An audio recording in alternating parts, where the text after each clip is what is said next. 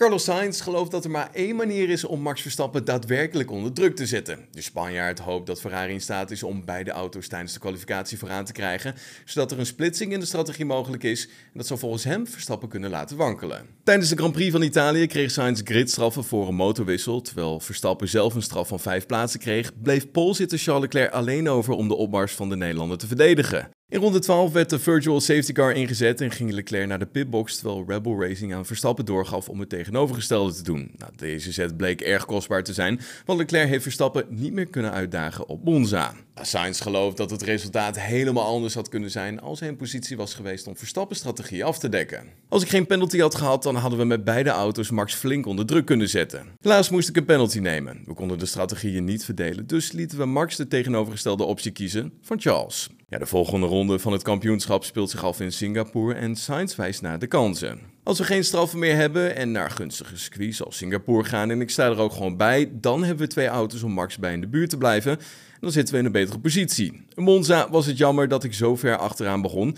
want ik had wel tempo. Zo concludeert Carlos Sainz. In de Formule 1-test van Alpine aan het einde van deze maand in Hongarije maakte toch best veel los in de Formule 1-wereld. Mick Schumacher zou, naast alle namen die al bekend zijn, ook mee gaan doen aan die testdag.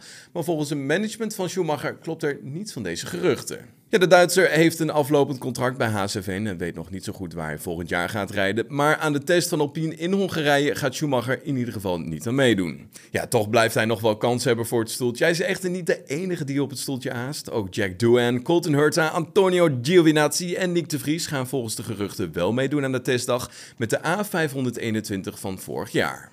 De kaartverkoop voor de Grand Prix van Groot-Brittannië van volgend jaar verloopt alles behalve soepel. Urenlang zaten mensen in de virtuele rij om een kaartje voor volgend jaar te bemachtigen, om vervolgens een vouwmelding te krijgen om helemaal opnieuw te beginnen. Diverse fans klagen over dat de prijzen inmiddels zijn gestegen vergeleken met de eerder op de dag en de organisatie heeft de kaartverkoop stilgelegd.